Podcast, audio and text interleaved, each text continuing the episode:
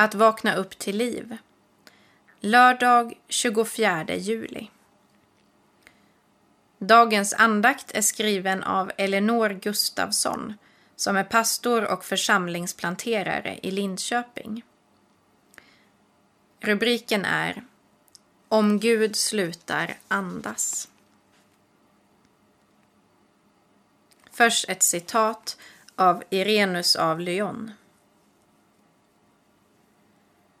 Som om Gud inte hade sina egna händer. Från all evighet har han i sin närhet ordet och visheten, sonen och anden.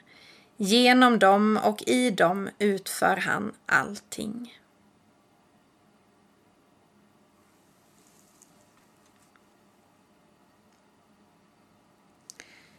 Mitt emellan två lovsånger blev det helt tyst.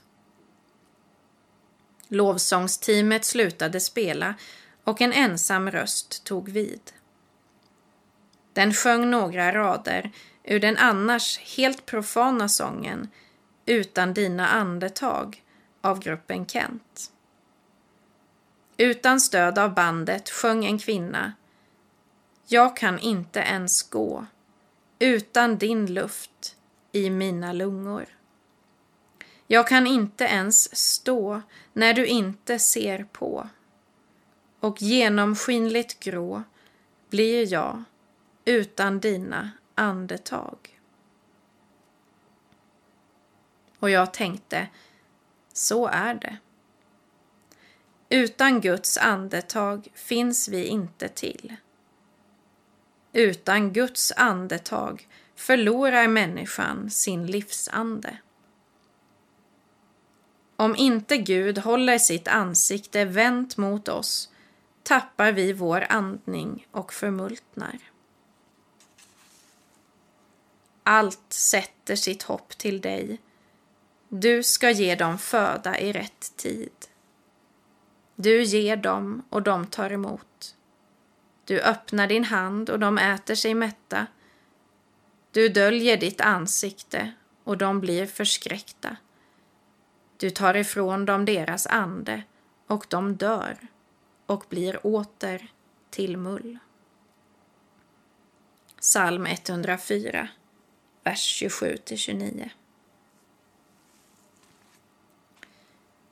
Gud skapade både människor och djur genom att ta jord från marken, forma den med sina händer för att sedan blåsa in sin livsande i det han format. Därför är alla varelser beroende av Guds andning för att kunna leva. När Gud vänder bort sitt ansikte dör vi. Vi förmultnar och blir åter till mull. Men Gud vill inte död. Han vill liv. Därför fortsätter saltartexten med Du sänder din ande. Då skapas liv. Du gör jorden ny. Gud vänder på nytt sitt ansikte mot världen och ger den sin andning. Det är detta som sker varje vår. Svalorna lägger ägg i sina bon. Björkarna får nya mjuka löv. Hararna föder nya ungar och marken bär ny grönska. Gud andas på världen så att jordens yta förnyas och människan får nytt livsmod. Det är därför man i många kyrkor läser Saltarsalm 104 på pingstdagen.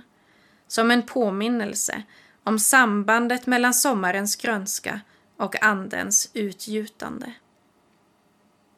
Men denna vers rymmer också ett eskatologiskt hopp. En förväntan om Guds frälsning vid tidens slut.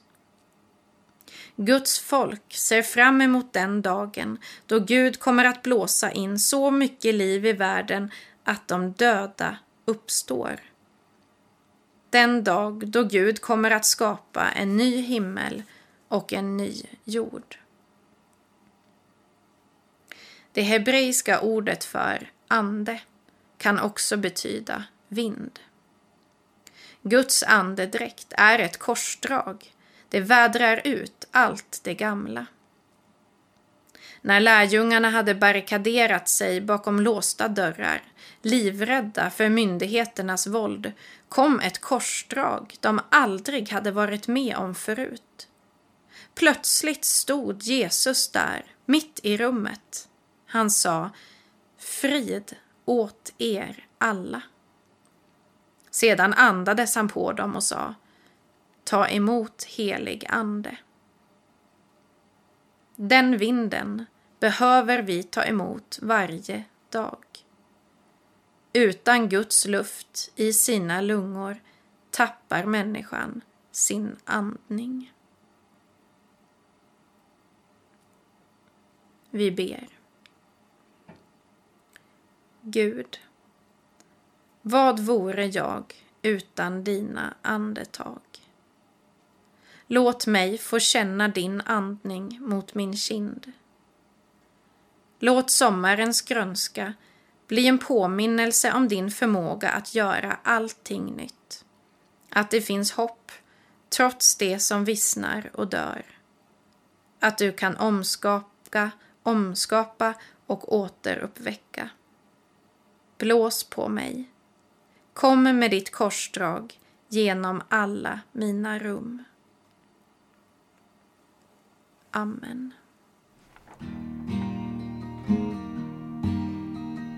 En gång var jag sorgsen, nu har jag köpts fri. Inte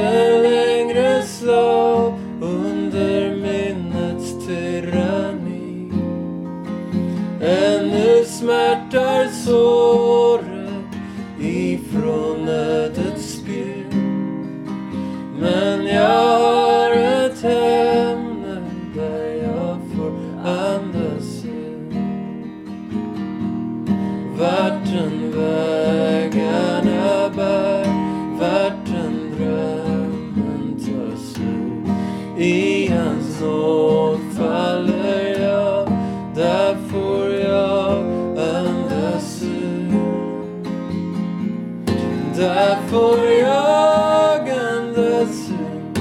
Där får jag andas ut. I hans nåd faller jag. Där får jag andas ut. En gång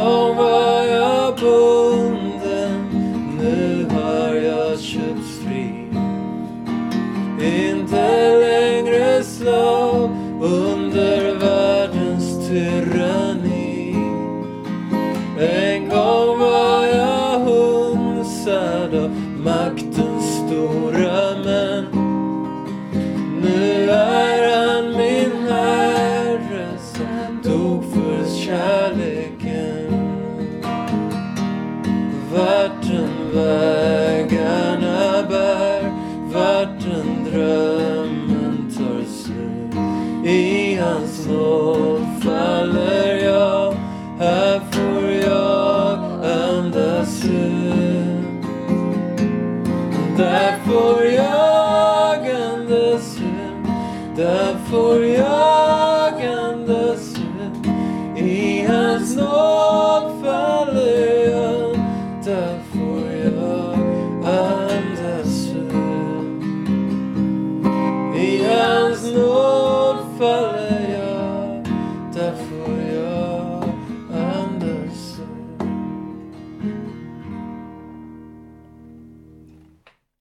Vi ber. Vår Fader, du som är i himmelen.